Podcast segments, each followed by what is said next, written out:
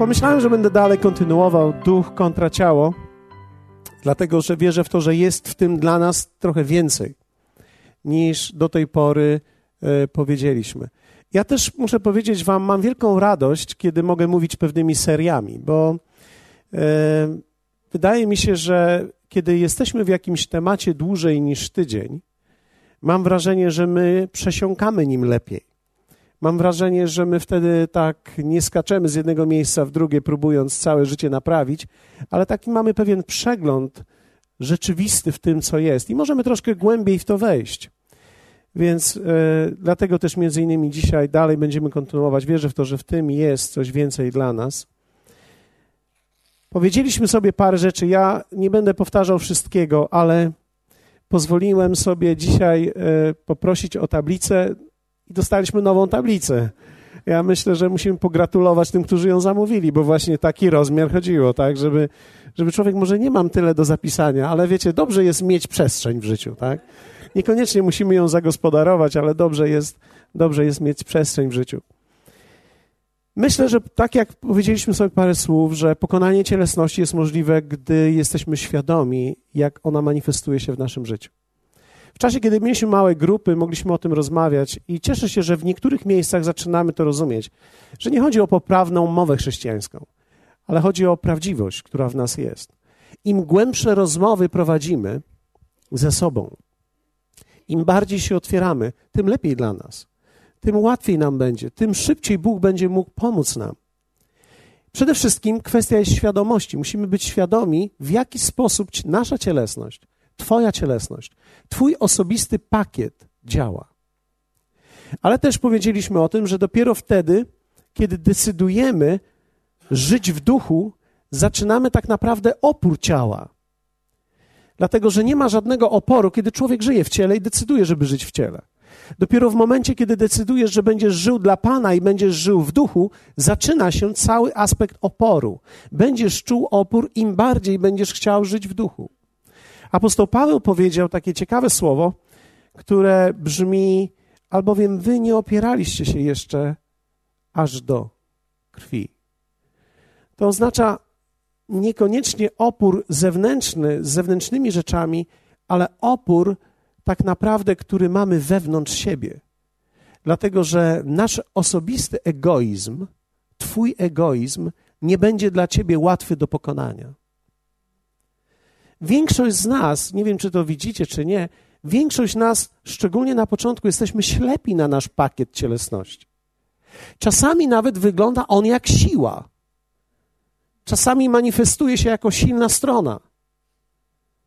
Na przykład ktoś jest bardzo zabawny i zawsze uśmiechnięty i radosny, i to jest w porządku tak długo, jak nie przykrywam tym czegoś. Bo wiecie, Czasami bycie zabawnym może być świetną kołdrą dla mojej cielesności, dla moich osobistych lęków. I wszyscy wokół patrzą na tego człowieka i mówią: Wow, wspaniały człowiek, zabawnie jest być z nim. On ma tyle radości. Tak, to prawda. Prawdopodobnie ma dużo radości, ale czasami ta siła jego może być kwestią jego słabości i taką niezłą kołdrą przykrycia tego bólu, który w nim jest. Najgorsze jest to, że nikt z nas nie może podejść do tej osoby i powiedzieć: Wiem, że oszukujesz. Tylko tak naprawdę musimy modlić się i czasami, nawet jeśli widzimy, objawienie cielesności jest tak naprawdę moją osobistą sprawą.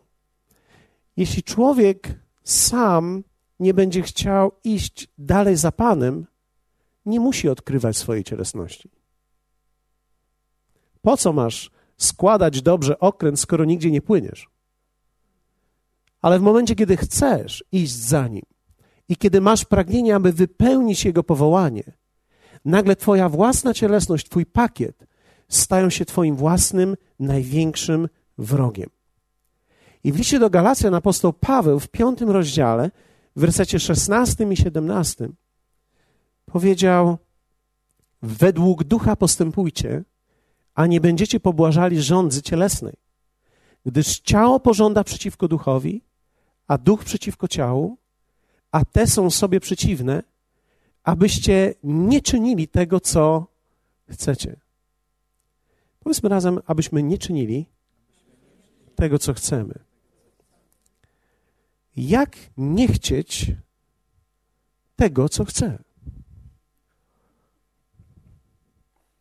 Jak nie chcieć i nie robić tego, co chcę? To jest sztuka. To jest sztuka i to rzucam nam wszystkim i tym, którzy słuchają, abyśmy mogli tak naprawdę to odkryć. Dlatego, że każdy z nas ma tendencję do budowania swojego własnego życia i poczucia własnego szczęścia.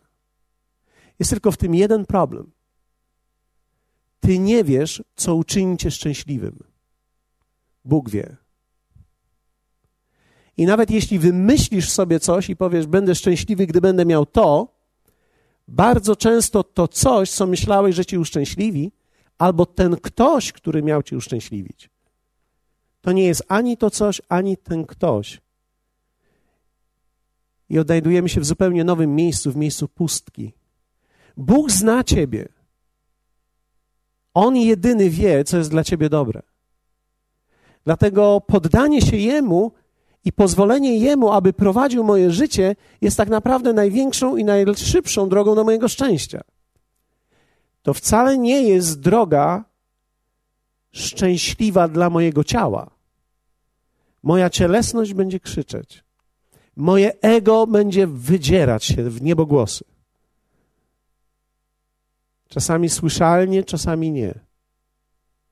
Ale tak rzeczywiście jest. Jedyny sposób, aby pokonać cielesność, to jest ruszyć w kierunku życia duchowego. Apostoł Paweł mówi: według ducha postępujcie. I powiedzieliśmy sobie o już kilku rzeczach, co to znaczy życie według ducha, tak?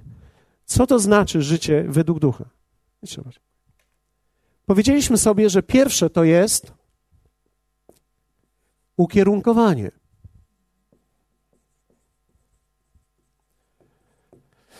Nazwałem to ukierunkowanie, tak naprawdę powinniśmy powiedzieć upamiętanie. Czyli tak naprawdę jest to zmiana kierunku. Żyłem dla siebie, żyłem, miałem swoje własne plany, nie pytałem nawet Boga, jakie są Jego plany względem mnie, po prostu myślałem, że to będzie najlepsze, to będzie najlepsze, ta osoba będzie najlepsza, ta kariera będzie najlepsza, ta praca będzie dla mnie najlepsza, ta firma będzie dla mnie najlepsza. A, a jeśli człowiek już nawet nie może realizować swoich marzeń, to idzie w drugą stronę i mówi: No co mam robić? No coś muszę robić, więc robię to, co mam. Tak? Wiecie, żadna z tych opcji tak naprawdę nie jest Bożą wolą do końca. My musimy umieć rozpoznać, że Boża wola to nie jest robienie tego, co ja chcę, ani to nie jest robienie tylko tego, co mogę, tylko to jest rozpoznanie, co jest Jego wolą. To jest czasami trudniejsze, ale ludzie próbują albo jedną stronę, albo drugą stronę. Więc pierwsza rzecz to jest ukierunkowanie. Ja potrzebuję być właściwie ukierunkowany. To jest życie w duchu, to jest zmienić kierunek swojego życia. Drugie to jest umartwianie. I to jest coś, czego nikt z nas nie lubi, ale mówiliśmy o tym, to jest ten cały cykl i cała część życia w samodyscyplinie. Powiedzmy to piękne słowo samodyscyplina. Nikt z nas nie lubi tego słowa. My musimy polubić to słowo. W tym jest również życie postem. To jest to, co mieliśmy w styczniu. Niektórzy mówią, dobrze, że się skończył. Ja wiem, ja, ja wiem, ja, miałem, ja czekały ca, całe paczki rodzynek w czekoladzie dla mnie, e, kiedy się post skończył. I, I prawie wszystkie już je zjadłem. To jest problem. Post, samodyscyplina. Ale coś więcej jest w tej samodyscyplinie niż tylko jakaś tam dyscyplina. Tu chodzi o regularność. Regularność jest drogą do rozwoju życia duchowego. Jeśli człowiek nie żyje regularnie, nie może tak naprawdę niczego osiągać. Wszyscy mamy 24 godziny. Wszyscy. Większość z nas mówi, że nie ma czasu. Problem jest taki, że już nigdy nie będziesz miał więcej niż 24 godziny. Będziesz miał tylko 24 godziny. Sposób, w jaki je spędzasz, to będzie klucz do Twojego zwycięstwa. Regularność to jest umiejętność włożenia w mój kalendarz i w moje godziny, w mój dzień rzeczy, które są dla mnie ważne, które są dla mnie niepodważalne. Jeśli tego nie zrobisz i nie utrzymasz, nigdzie nie dojdziesz. Będziesz zawsze człowiekiem duchowo rozchwianym, nawet jeśli będziesz w dobrym kościele, będziesz miał kiepskie życie. Aleluja. teraz, kiedy piszę sobie parę stron książki, jedną z rzeczy, którą napisałem, to jest to, że człowiek może być zanurzony w wodzie, można go oblewać wodą, można szlaufem lać w niego, ale nikt go nie zmusi, żeby się go napił. Człowiek się może nawet w wodzie utopić, ale nikt go nie zmusi, żeby się napił i żeby pił regularnie. To jest wynik tak naprawdę decyzji człowieka. Więc umartwianie, tak? Ostatnio mówiliśmy o życiu w wierze.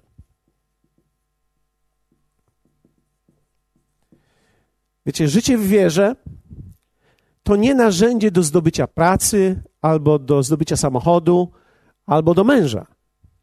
Panie, ja wierzę, męża ma mieć 1,86 m, blond włosy, niebieskie oczy, ma być jaki?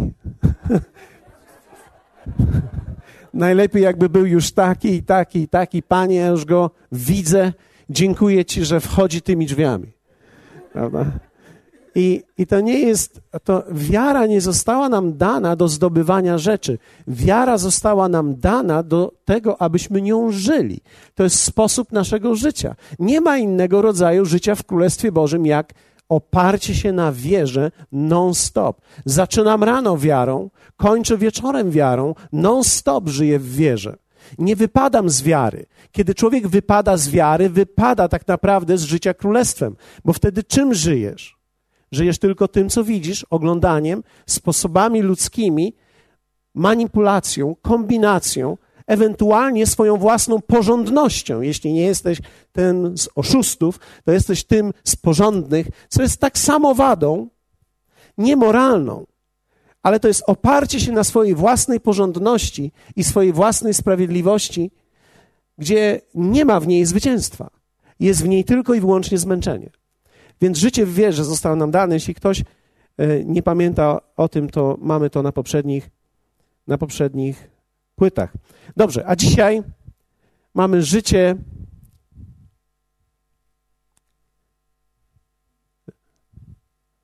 Czwarte, e, niespotykane. Życie w Jego woli. Chyba wola też powinna być duża. Życie w Jego woli. Powiedzmy razem, życie w Jego woli. Ja troszeczkę Wam dzisiaj je opiszę. Mam nadzieję, że Was nie wystraszę, ale powiem Wam, że będzie drastycznie. Powiem Wam, że będzie drastycznie. W pewnym sensie, wiecie, w, pew w moim wieku już nie ma co owijać w bawełnę. Ja już zbyt długo im czasu człowiek ma mniej, tym lepiej musi te rzeczy robić. I, I, chyba tak jest ze mną. Z drugiej zaś strony myślę sobie, że kiedyś mówiłem bardzo łagodnie, może bardziej zabawnie. E, teraz stałem się chyba ponurakiem bardziej, ale e, mówiłem bardziej zabawnie, ale bardziej łagodnie. E, ja, ja dzisiaj widzę jednak, że łagodność niewielu ludziom pomaga. Tak? Większość ludzi, nie, nie chodzi o to, żeby głaskać ranę, chodzi o to, żeby ją wyleczyć. Nie chodzi o to, żeby przytulić człowieka, który jest połamany w środku, chodzi o to, żeby go poskładać. Prawda? Więc e, Kościół nie jest miejscem, e, gdzie my masujemy raka. Kościół powinien być miejscem, gdzie my go wycinamy. Dziękuję Wam za aplauz. Ja rozumiem to. Okej. Okay. Więc życie w woli Bożej, no i się zaczyna. Otwórzmy Ewangelię Łukasza, szósty rozdział. To będzie ciekawe. Ewangelia Łukasza, szósty rozdział.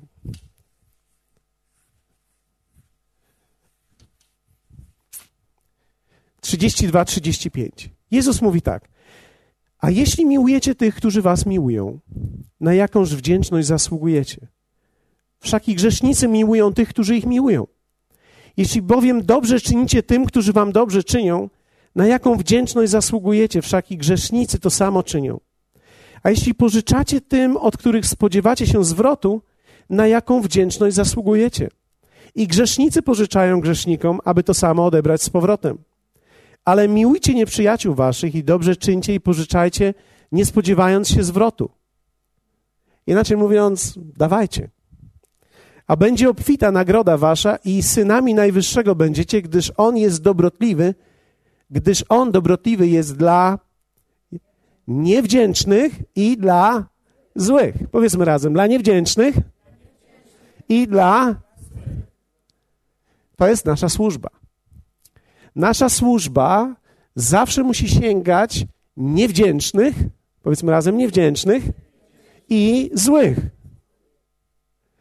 Inaczej mówiąc, jeśli nasza służba nie wykracza poza naszych ludzi, kochanych, wspaniałych, cudownych i nie sięgamy tych, którzy są niewdzięczni i źli, to tak naprawdę nie jesteśmy w Jego woli.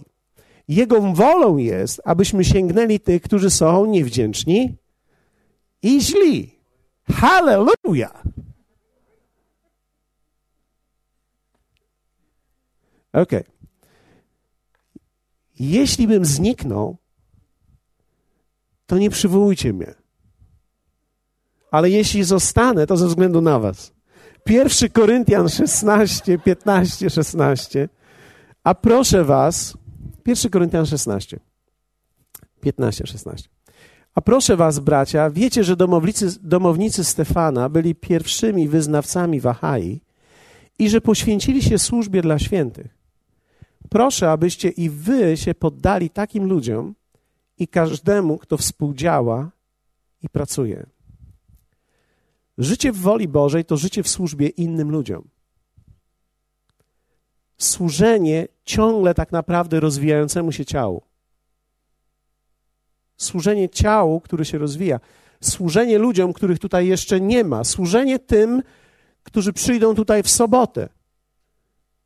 Służenie tym, którzy przyjdą tutaj w sobotę posłuchać tenora, nie wiedząc, że tak naprawdę chodzi o Jezusa ale my chcemy go przekazać. Tym, którzy przychodzą po raz pierwszy w niedzielę, tym, którzy wpadają w czwartek, w środę, tym, którzy wpadają na małą grupę, ci, którzy są niewdzięczni i źli. Aleluja. Huh.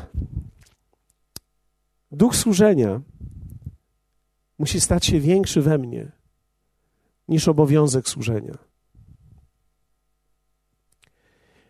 Jezus to powiedział. Nie jesteście inni niż świat, jeśli służycie tylko swoim. Ale jeśli naprawdę chcecie służyć, to musicie służyć w duchu służenia, który sięga ludzi, którzy są niewdzięczni i źli. A takich zawsze będziecie mieć. Jak i ubogich. Dlaczego? Ponieważ my mamy służbę dla ludzi ze względu na Pana. Dlatego możemy wyjść poza obszar naszego komfortu i nie służyć tylko tym, którzy są wdzięczni, ale służyć tym, którzy nawet nie wiedzą, że jest im okazywane dobro. Ludzie, którzy nawet nie rozumieją, że jest im okazywane dobro. Duch służenia w nas prawdziwe służenie to jest tak naprawdę większa rzecz niż tylko obowiązek służenia. Bo jeśli będziesz miał tylko obowiązek służenia, to to zniszczy ciebie i zniszczy tych, którym służysz. W 2 Koryntian 9, 7, ja dzisiaj mam trochę fragmentów, mam nadzieję, że niektórzy z was je przeczytają w domu, jeśli nie macie tutaj Biblii, ale ja czytam z Biblii, więc dobrze, jakbyście mieli w środę Biblię. Jest powiedziane tak, każdy tak, jak sobie postanowił w sercu. To dotyczyło akurat finansów, ale tak naprawdę dotyczy to całego aspektu służenia. Każdy tak, jak sobie postanowił w sercu, nie z żalem albo z przymusu, gdyż ochotnego dawcę Bóg miłuje. Powiedzmy, nie z żalem albo z przymusu, gdyż ochotnego dawcę Bóg miłuje. To znaczy, że moje, moja chęć dawania musi sięgać tych niewdzięcznych i złych ze względu na Pana, nie z żalem i nie z przymusu. Kiedy cokolwiek robisz w kościele, nie rób tego z żalem, ani też nie rób z przymusu. Wierzcie mi, że nawet motyw pod tytułem robię, bo nie ma komu, jest złym motywem.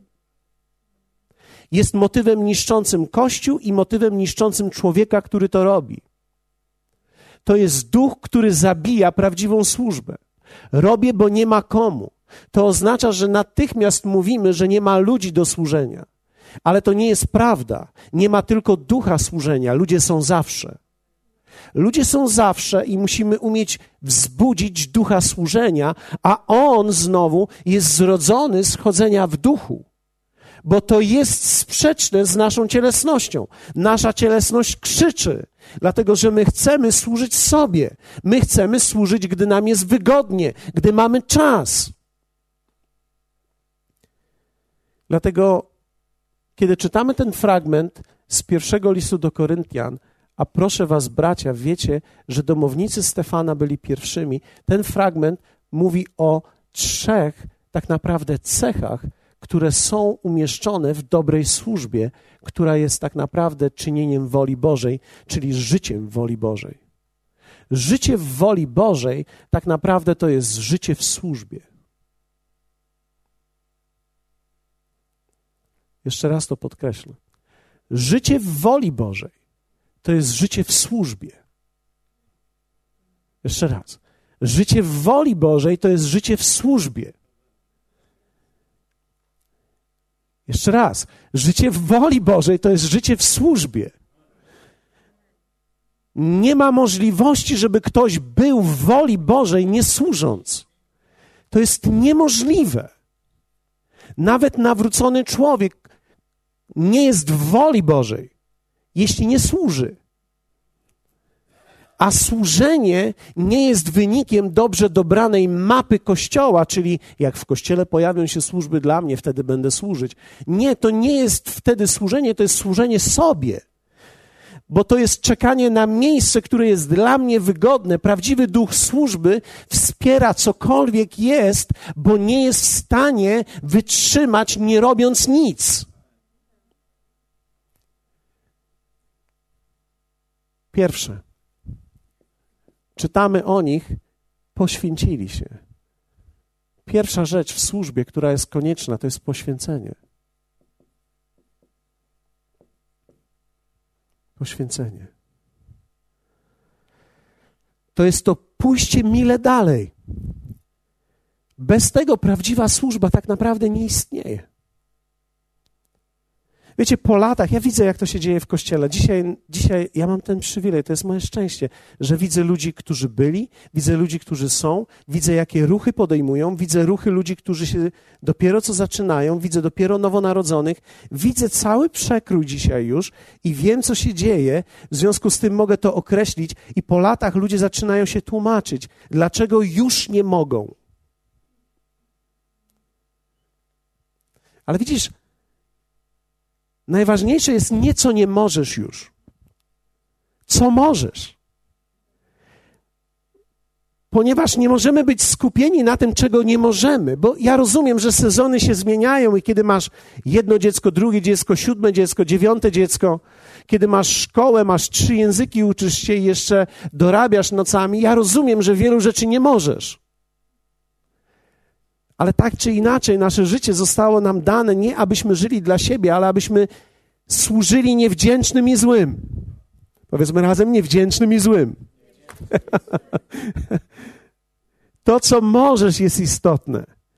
Dlatego, że każdy człowiek, który będzie chciał, będzie szukał sposobności, aby móc. Każdy, kto nie chce, szuka wytłumaczenia, dlaczego nie może i tworzy prawdziwie dobrze przekonującą historię. Jest ona dobrze wykombinowana. Powiedzmy razem, dobrze wykombinowana. To jest jak ciało, to jest cielesność, bardzo dobrze powiedziałeś, to jest cielesność, która wytłumaczy mi w czasie postu, że trochę cukru przecież potrzebuję jednak, bo zaraz zemdleję.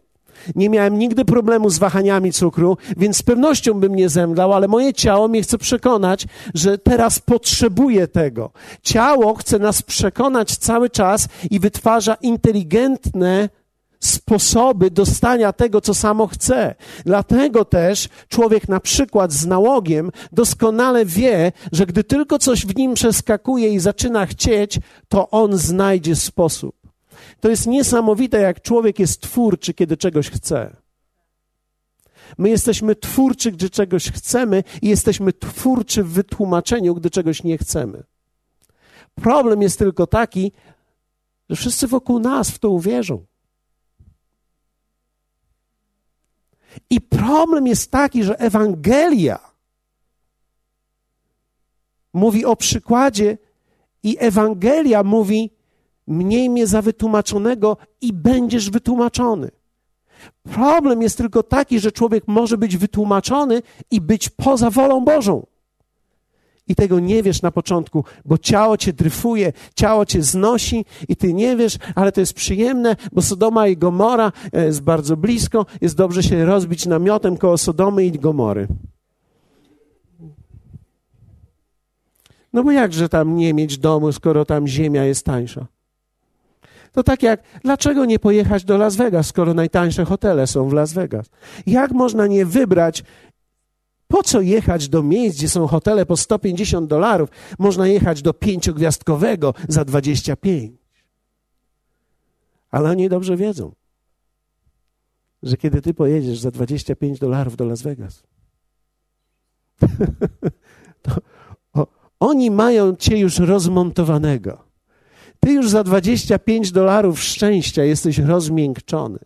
Ty już się czujesz bogaty. Ty pomyślałeś sobie pięć nocy w pięciogwiazdkowym apartamencie za 25 dolarów razy 5, 125 dolarów. Ludzie, to ja w moim własnym koszalinie za te pieniądze nie poszaleję. Oni cię już mają. O to im chodziło, żeby się rozmiękczyć. Takie jest ciało dokładnie wiedzą, ci, którzy są psychologami, sprzedawcami, oni dobrze wiedzą, jak cię rozmiękczyć, żebyś specjalnie poszedł w tą stronę, bo oni rozumieją, jak działa cielesność. I jeśli ty nie będziesz wiedział, jak będzie działała twoja cielesność, wytłumaczy cię ona ze wszystkiego. Wytłumaczy cię ze wszystkiego w kościele, wytłumaczy cię ze wszystkiego w domu, wytłumaczy cię ze wszystkiego w pracy. Ja nie mogę być dobrym mężem, bo mam złożone. No jak mogę być dobrym mężem, jak mam złożone? Ja bym był też dobrym ojcem, ale mam okropne dzieci prawda? Jakbyś miał takie dzieci jak moje, no to przecież jak można być dobrym ojcem? No tylko się zamknąć gdzieś i płakać, tylko się zamknąć i uciec. Jakbyś miał taką kobietę jak moja, to tylko zamknąć się za drzwiami i gdzieś uciec. Wiecie, człowiek, najgorsze jest to, że człowiek jest w stanie się do tego przekonać. Sam siebie i usprawiedliwić. I wtedy się jeszcze na dodatek dobrze czujemy.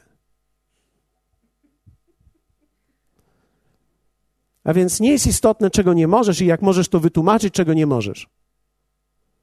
Ale co możesz? 2 Koryntian 8, 12. Jeśli bowiem jest ochotna wola, zasługuje ona na uznanie według tego, co ma, a nie według tego, czego nie ma. Powiedzmy razem ochotna wola. Inaczej mówiąc, ochotna wola mówi o tym, co ma a nie o tym, czego nie ma. O, ja bym dał stówę na remont sali, ale nie mam. Widzisz, to nie jest ochotna wola. Ochotna wola nie mówi, czego nie ma. Ochotna wola rozpoznaje, co ma. I mówi, może nie mam stówy, żeby w tym momencie pomóc na sali, ale mam wolny czas, bo skoro nie mam stówy, to znaczy, że mam dużo czasu. Bo w życiu to tak wygląda. Albo masz stówę, albo masz czas. Jak nie masz stówy, to masz czas. Jak masz czas, to przyjdź i posprzątaj. Widzisz, ochotna wola, nie mając stówy, powie: Mam dużo czasu. Czy może pozbierać coś? Może coś odkurzyć? Może coś stworzyć tu lepszego? Może, może coś po kimś poprawić? Ochotna wola szuka sposobu i chlubi się tym, co może zrobić, a nie tym, czego nie może zrobić.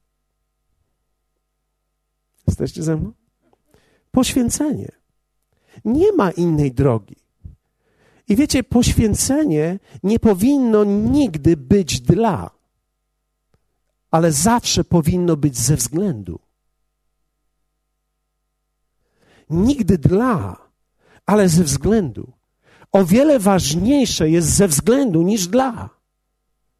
Większość ludzi, która się poświęca dla, będzie rozczarowana.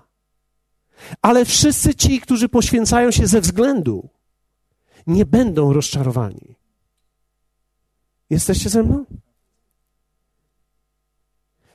Dla zawsze się kończy, ale ze względu nigdy. Inaczej mówiąc, o, ja się poświęcam dla mojej żony. Nie możesz poświęcać się dla żony. O wiele ważniejsze jest, ze względu na co lub na kogo poświęcasz się swojej żonie.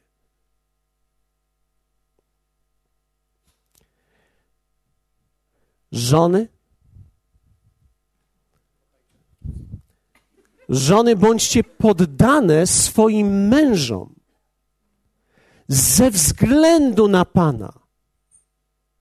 Tam nie jest powiedziane, bądźcie poddane dla mężów swoich, tylko ze względu na Pana. Widzisz, jeśli masz oparcie we względzie, dla nie ma problemu.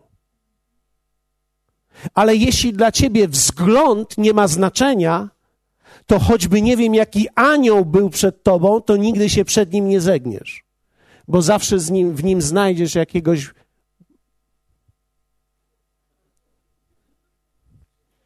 Ro, rozumiecie mnie? Zawsze znajdziesz w nim coś. Ale jesteś w stanie szanować i poddać się mężowi we właściwy sposób ze względu na Pana jeśli rozumiesz ze względu. O, ja się poświęcam dla Kościoła. Nie poświęcaj się, bo cię Kościół zawiedzie. Nie wiedziałeś o tym? Zawiodą cię ludzie.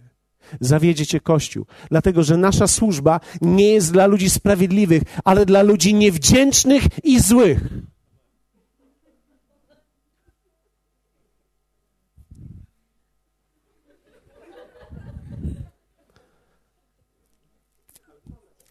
Rozumiecie mnie, ale rozumiecie mnie. Ja, ja mam nadzieję, że, że rozumiecie, że jesteśmy w miejscu Biblii teraz, jesteśmy w miejscu świętym. Taka jest prawda. Nie możesz robić rzeczy dla Kościoła ze względu na Pana dla. Ze względu na Pana dla. I w momencie, kiedy ze względu na Pana będziesz coś robił, to nawet jak dla będzie bardzo niewdzięczne i będzie bardzo złe, zrobisz to z radością bo robisz to ze względu na Pana. Ze względu na Pana. Ze względu na Pana. Widzisz, kiedy robimy coś dla, a nie robimy coś ze względu, nasza cielesność nas zniszczy. To jest poświęcenie. Poświęcenie, które musi znaleźć prawidłowość w nas. Wiecie, człowiek może tak naprawdę zatracić swoje życie. Jezus nas do tego zachęca. Wiecie, Jezus zachęca nas do strasznej rzeczy. Jezus powiedział: Jeśli ktoś próbuje swoje życie znaleźć, straci je. Ale jeśli ktokolwiek straci, zatraci, poświęci swoje życie ze względu dla mnie i Ewangelii, znajdzie je. To jest jedyny sposób. To jest zatracić swoje życie i poświęcić ze względu na Niego. Ale żebyś to mógł zrobić, musisz Go znać. Musisz być Nim zachwycony i zakochany. Musi On stać się całym Twoim światem, wszystkim, co jest dla Ciebie wartością. Nic i nikt nie może Ci Jego przysłonić, i dopiero wtedy tak naprawdę możesz poświęcić się dla. Bo zawsze, którym się będziesz poświęcał, to będą ludzie niewdzięczni i źli. Jeśli słucha mnie teraz jakiś pastor, a przynajmniej jeden mnie słucha, jeśli mielibyśmy służyć Panu ze względu na to, że ludzie będą dla nas wdzięczni i dobrzy, zawiedziemy się. Ale jeśli będziemy służyli ludziom ze względu na Pana, nie oczekując niczego. Pan da nam siłę i radość, i sprawi, że będziemy mogli służyć ludziom naprawdę w duchu i w prawdzie, dając im słowo najlepsze, bo robimy to ze względu na Pana. Wiecie, przychodzę dzisiaj do Was tutaj. Nie, żeby Wam się podobać, albo żeby dać Wam najlepsze, bo jesteście moim najlepszym kościołem. To jest za mało. Ja służę największej osobie na świecie i ze względu na nią muszę dać najlepiej, najlepiej jak mogę to, co mi dał. I wtedy niezależnie od tego, czy to dla ludzi będzie wspaniałe, czy też nie, będzie to z pożytkiem dla tych, którzy słuchają. To jest prawda? W liście do Hebrajczyków w 13 rozdziale, wersacie 17 czytamy takie słowa. Posłuchajcie, jeśli nie macie Biblii.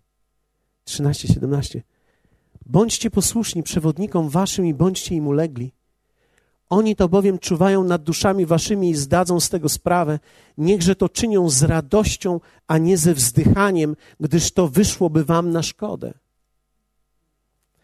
To nie jest mowa tylko i wyłącznie o tych, którzy służą w ogóle w słowie, ale to jest również mowa o w ogóle o służbie, o poświęceniu się w służbie. Poświęcenie się w służbie i bycie w poświęconym życiem nie może być ze wzdychaniem. Koniec wzdychania.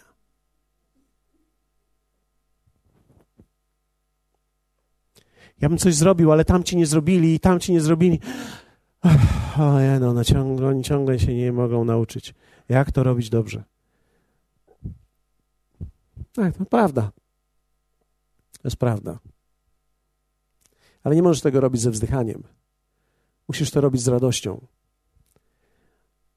Bo tego może jeszcze nie wiemy, ale możliwość, którą On nam dał, żebyśmy posiali nasze życie, jest największą możliwością i przywilejem, jaki dostaliśmy w życiu. Niektórzy z Was patrzą na służbę w kościele i mówią: A już to robiłem i to już robiłem, ja już teraz z tego wyrosłem. Ja nie wiem, z czego Ty wyrosłeś, ale martwię się o Ciebie. Nie mogę Ci już pomóc, ale martwię się. Martwię się, bo prawdopodobnie z niczego nie wyrosłeś i to jest problem. Wydaje ci się, że wyrosłeś, ale ty do niczego nie dorosłeś. Twoje ciało wyrosło już z tego i stało się dzisiaj większe niż było wczoraj. Dlatego już dzisiaj nie jesteś zdolny, żeby pewne rzeczy robić. Martwicie się, że was zraniłem tym?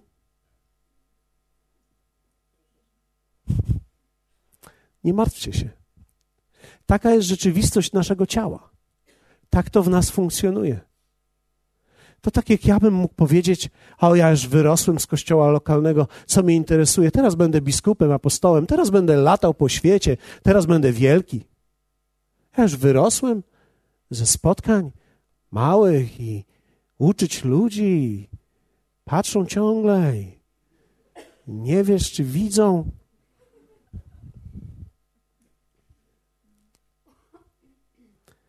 Chcę powiedzieć Wam, za trzy tygodnie będę na jednej z największych konferencji dla pastorów usługiwał. Kolejnego tygodnia uczę na szkole u Andrew Omaka.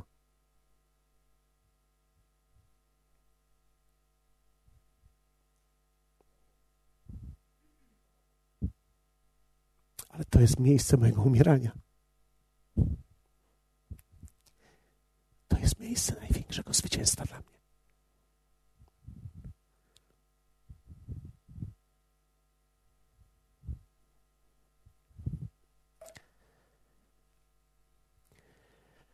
Człowiek nie ma żadnego przesłania, jeśli nie umie umierać właściwie i poświęcić swojego życia w jedno miejsce.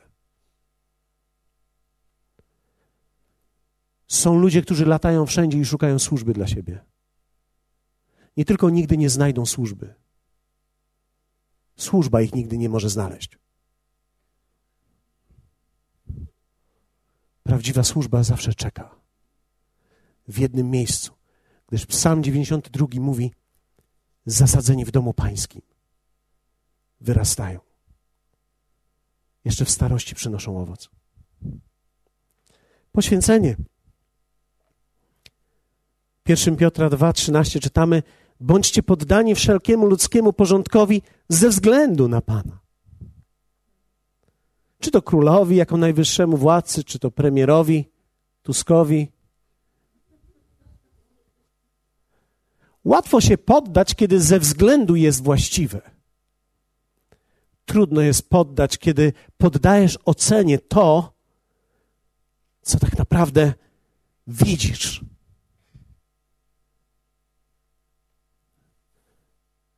Zawsze myślę o tym. Macie jeszcze 7 minut? Zawsze myślę o tym, o tej ubogiej wdowie, która dała wszystko. Poświęciła się. Dała wszystko. Poświęciła się, dała wszystko. Zawsze zastanawiało mnie, skoro Jezus widział tak wiele złego w świątyni i skoro Jezus widział tak wiele złego w faryzeuszach, dlaczego pochwalił osobę, która sieje w tak nieprawdopodobnie złą glebę? Zastanawiam się, dlaczego ta uboga wdowa nie pomyślała sobie, a ci w tej świątyni spaśli tacy, mają więcej, wyjadają nasze domy, zabierają wszystko. Czułaby się całkowicie usprawiedliwiona w tym, żeby zachować te swoje dwa grosze. Powiedziałaby, gleba i, i kościół, w którym jestem, nie jest warty tego mojego poświęcenia. Ale widzisz, ona nie poddała ocenie tego, co widziała. Ona poddała ocenie swoje serce i ze względu na Pana zasiała. I Jezus powiedział: Jej nagroda nie będzie zatrzymana przed nią.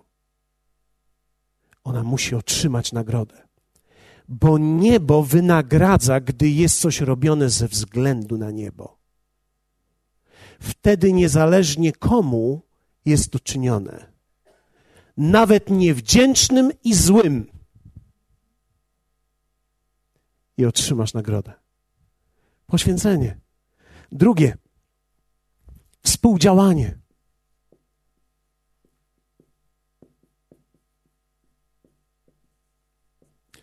Współdziałanie.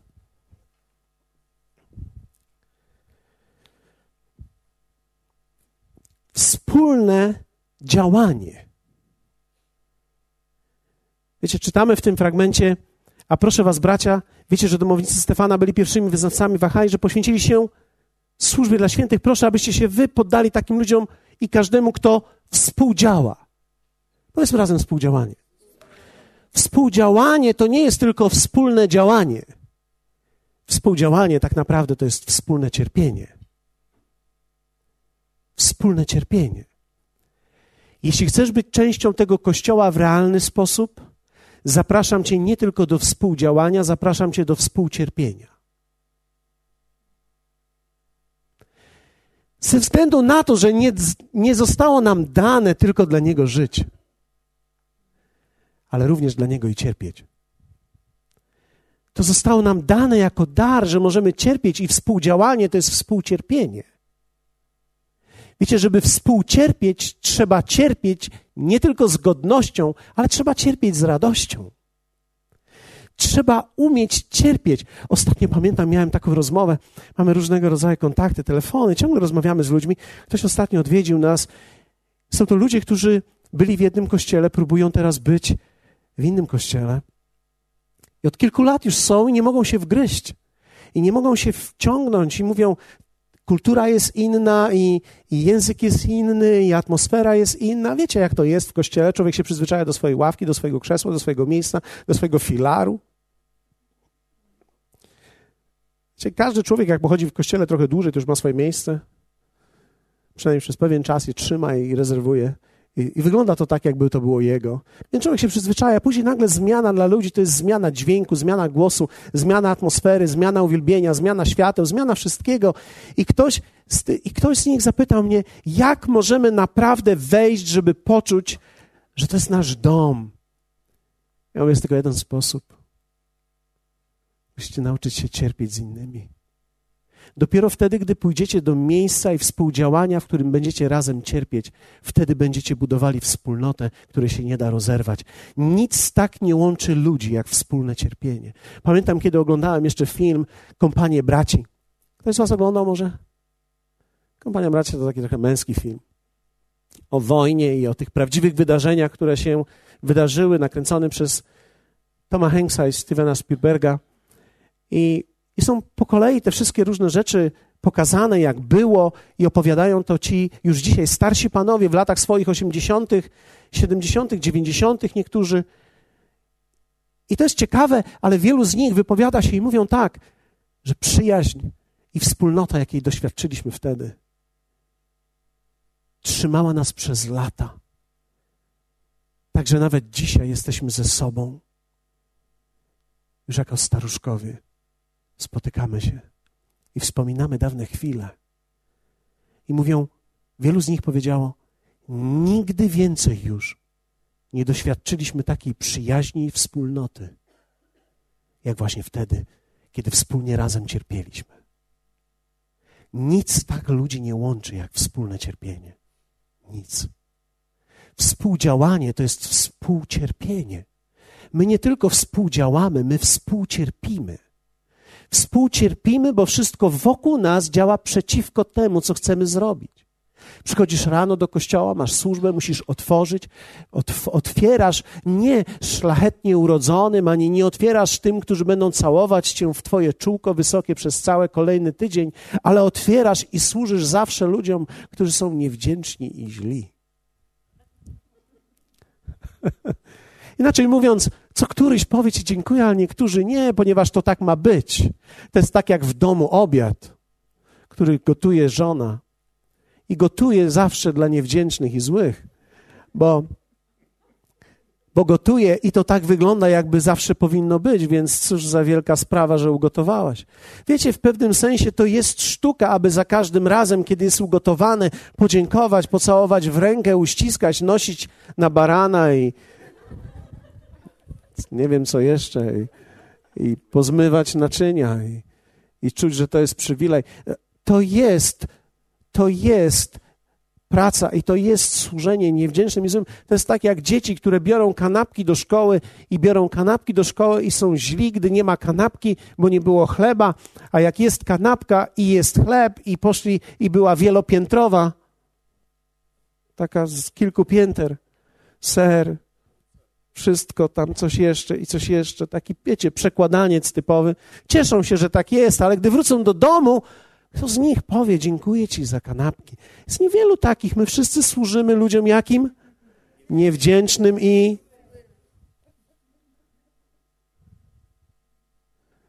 ale służymy im ze względu na Pana. List do Hebrajczyków mówi tak, 10 rozdział, werset 32-35. Przypomnijcie sobie dni poprzednie, kiedy po swym oświeceniu wytrwaliście w licznych zmaganiach z utrapieniami. A to list do Hebrajczyków mówi tak. Na początku e, nastawialiście klatę i pamię- przypomnijcie sobie, jak to było. Łatwiej było wstać do kościoła na początku, łatwiej było przyjść w czwartek na początku, łatwiej było przyjść w niedzielę, łatwiej było zorganizować, żeby przyjść. Łatwiej było służyć, łatwiej było coś zrobić, łatwiej było czytać, łatwiej było. Wszystko było łatwiej. Wierzcie mi, na każdym morzu jest zawsze fala, gdzie jest łatwiej. Jak ktoś z Was kiedyś pływał, to wie o tym, że od czasu do czasu jest pewien moment, gdzie jest łatwiej. Ale nie daj się oszukać. Każda fala ma swoją długość. I każda fala w którymś momencie się kończy. I każda fala, która cię najpierw pchała, później ma falę zwrotną, która cię ciągnie w drugą stronę. Ktoś kiedyś z Was pływał w morzu i próbował kiedyś wyjść i nie mógł wyjść? Wiecie, to jest bardzo interesujące uczucie. Bo na początku płyniesz z powrotem do brzegu i wydaje ci się, że to jest moment, za chwilę sięgniesz brzeg. Za chwilę ta fala się cofa, a ty razem z nią i próbujesz wyjść i nie dajesz rady. Tak jest też w życiu i tak jest w każdym momencie. Nawet w życiu duchowym jest zawsze fala początkowa i ciągniesz na niej. I widzimy, jak ludzie ciągną, ciągną na niej, nawet ciągną w czwartki albo w środy albo jeszcze się do służby zapiszą. Ja będę. Okej. Okay. Początek nigdy nie jest szczególny, to jest koniec najistotniejszy. Czy to gdy byliście wystawiani publicznie na zniewagi, udręki, czy też gdy wiernie staliście przy tych, z którymi się tak obchodzono, cierpieliście bowiem wespół z więźniami i przyjęliście z radością grabież waszego mienia, wiedząc, że sami posiadacie majętność lepszą i trwałą. Nie porzucajcie więc ufności waszej, która ma wielką zapłatę. Współcierpienie jest największym wyrazem wspólnoty. Ludzie, którzy chcą współcierpieć, budują się razem. Małżeństwo, które chce współcierpieć w trudnej chwili, buduje się razem. Wiecie, problemy zawsze przyjdą, ale jakie przechodzimy jest najistotniejsze. Jeśli decyduję się, że będę współcierpiał, ktoś może powiedzieć, dlaczego mam cierpieć? Ze względu na Pana. Nie dla niej, dla niej ze względu na Pana. O, pastorze, ty musiałeś naprawdę świetnie trafić. Ja tak fajnie nie mam. Chciałbyś się zamienić? Ty nie wiesz, jakie ja cierpienie muszę znosić, żeby być i wytrwać. Ty nie wiesz, ile cierpienia. Właśnie w tej chwili, dla tych, którzy nie wiedzą, dostałem długopisem. Próbowała sprawdzić, czy stygmaty, które noszę, są prawdziwe, czy też nie.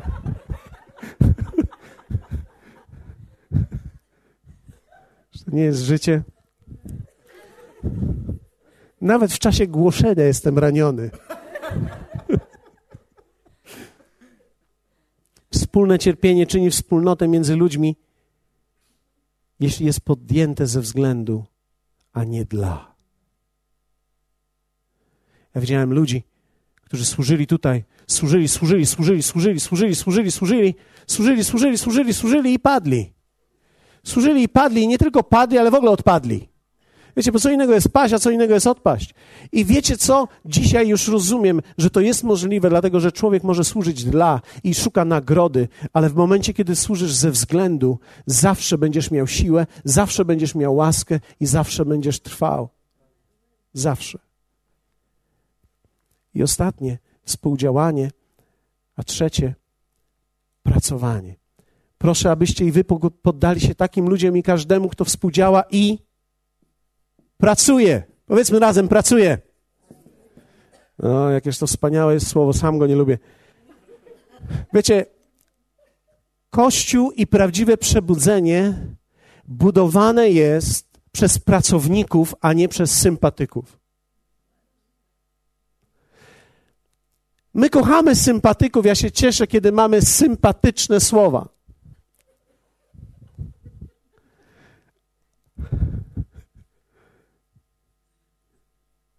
Ale wiecie, wielu ludzi próbuje żyć w taki sposób. Grają na bezpiecznie.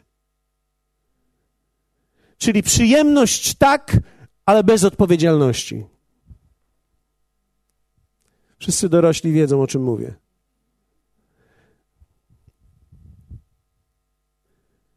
Jeśli chodzi o przyjemność, to jestem za. Ale jeśli chodzi o płacenie, to już nie. To przed jestem. Miłość musi boleć i być niewygodna, bo inaczej to moje hobby.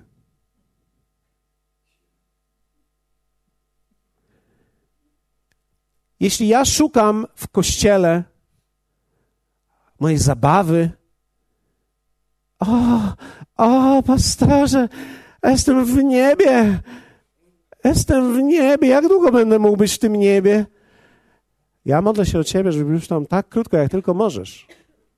My Cię potrzebujemy tu na ziemi. Zejdź do nas. Potrzebujemy tutaj Ciebie na ziemi. Powiedziałem do Jadzi w niedzielę. Ja modlę się o pokolenie, które dzisiaj jest w moim wieku. Starsze pokolenie już będzie im trudniej. Ale my potrzebujemy pokoleń, które nam pokażą pasję Potrzebujemy pokoleń, które jeszcze mając 70, 80 lat doskonale znają Pana i wiedzą o co chodzi. Jak ja zazdroszczę, kiedy jadę gdzieś do Ameryki i widzę, jak kręcone siwe włoski osiemdziesięcioletnie otwierają Biblię i dokładnie z precyzją co do fragmentu są w stanie wytłumaczyć wszystko, cokolwiek potrzebujesz. Drogę Pańską, chrzest w Duchu Świętym, chrzest wodny, zbawienie przez łaskę, sprawiedliwość, zrozumienie, co to są martwe uczynki, co to znaczy ufać Panu, historię swojego życia biorą i rozmawiają z młodymi ludźmi i po spotkaniach modlą się z nimi. My mamy pokolenie, które kończy się spotkanie na kurczaka do domu, przecież kurczak i rosół to podstawa życia jest. Później mamy tutaj młode pokolenie, które zostaje zagubione, dla których kurczak i rosół to opcja. Oni mają inne pytania i potrzebują odpowiedzi. Ale nasze znowu siwe pokolenie mówi, tu mnie szczyka, tam mnie łapie, tam mnie boli, tam mnie krzywi. I ktoś może powiedzieć, czekaj, czekaj, aż będziesz w moim wieku. Nie, nie, ja nie czekam, że mnie nie będzie bolało. Ja mam nadzieję tylko, że kiedy będzie mnie bolało, będę w stanie wziąć Biblię i pokazać, w którym miejscu może mnie przestać. Bo w którym mnie boli, to już wiem. Ale otwórz Biblię i pokaż mi, w którym może mnie przestać. Mam nadzieję, że będziemy mieli takie pokolenie. Być może nie mamy jeszcze pokoleń, które się rozwinęły, ale ty dzisiaj jesteś w tym miejscu, że nie możesz się zatrzymać. Potrzebujemy pracowników. To jest właśnie chodzenie w duchu. To jest chodzenie w woli Bożej. Budowanie wielkiego kościoła jest możliwe, jeśli będziemy mieli więcej dojrzałych chrześcijan, którzy nie są sympatykami. Ty nie musisz nawet sympatyzować. Chodzi o to nawet, żebyś z tej sympatii przeszedł na ze względu. Bo sympatie przychodzą i mijają. A prawdziwe życie trwa. Budowanie wielkiego kościoła jest możliwe, jeśli będziemy wie, mieli więcej dojrzałych chrześcijan, którzy swoim zrozumieniem pokażą, jak żyć w poświęceniu, współdziałaniu, pracując. Ja zdawałem sobie sprawę z tego, ja, ja nigdy może tego tak publicznie nie mówiłem, ale zdawałem sobie sprawę z tego, że Artur ze swoją żoną, ze swoimi dziećmi, kiedy jeszcze dwa lata temu zaczynali mieć pytania i problemy i wiecie jak to jest. Człowiek ma swoje życie, człowiek ma swoje rachunki, człowiek musi pójść dalej drogą pańską. Zastanawia, mam swoje życie, chciałbym mieć jeszcze, chciałbym żonę pod palmę wziąć, a jeśli nie żonę, to sam bym chciał pojechać, e, ja, bo moja żona może nie chcieć pod palmę pojechać. No ja tak tylko myślę. I, i rzeczywiście tak jest, że, że, że, człowiek zaczyna się wahać. Zaczynasz mieć 40 lat, 41 i myślisz sobie, hej, a gdzie jest moja willa? A gdzie jest, gdzie jest, gdzie jest moje życie? Gdzie jest, gdzie jest to obiecane moje życie? Jak mam połapać to wszystko? I wiecie, kwestia jest taka, że niektórzy ludzie schodzą wtedy z drogi pańskiej i szukają swojego życia. I mówią, ty miałeś swoją okazję, teraz jest kolej na mnie. Problem jest tylko taki, że ja nigdy nie widziałem ludzi, którzy w tamtą stronę poszli, żeby kiedykolwiek stamtąd wrócili. Z tamtej drogi się już nie wraca. To jest droga ku pustości życia. Pociągając słomką drinki na Malibu. A w środku czujesz, że wolałbyś sobie strzelić w głowę i wrócić z powrotem do miejsc, w których kiedyś miałeś pasję i czułeś, że żyłeś. I czy było im lekko? Nie. Czy jest im lekko? Nie. Ale pomyślałem sobie, jeśli podejmą decyzję, bo tego człowiek nie może zrobić za drugiego człowieka, nie może go zmusić, nie może usiąść na nim, nie może go złapać za szyję, za kark, nie może powiedzieć, musisz być ze względu na mnie. Nie musisz być ze względu na mnie, nie powinieneś być ze względu na tych ludzi, nie po, powinieneś być tylko ze względu na Niego i na to, co On ma dla Ciebie. A wtedy, kiedy poświęcisz swoje życie, wtedy wejdziesz w zupełnie nowy obszar, którego większość ludzi nie jest w stanie doświadczyć. Obszar, w którym mamy obfitość i zwycięstwo. Nie obfitość typu pięć gwiazdek. Jak cię bawią dalej grupony i pięciogwiazdkowe plaże, okej. Okay. Człowiek się musi czasami wyszumieć. Ale to, co jest prawdziwym życiem, jest tak naprawdę ujęte w nim. Dziesięć minut otwartej Biblii w Jego obecności jest warte więcej niż najlepsze jacuzzi z bąbelkami z podświetlaną na granatowo wodą. Leżałem pod kilkoma już palmami w życiu i powiem wam, żadna nie wygląda tak pięknie jak Jego słowa, które płyną do ciebie. Jego obecność, która czasami jest w szarości i pochmurności dnia o wiele silniejsza niż w słońcu i w egzotycznych ptakach. Chyba, że jesteś z National Geographic.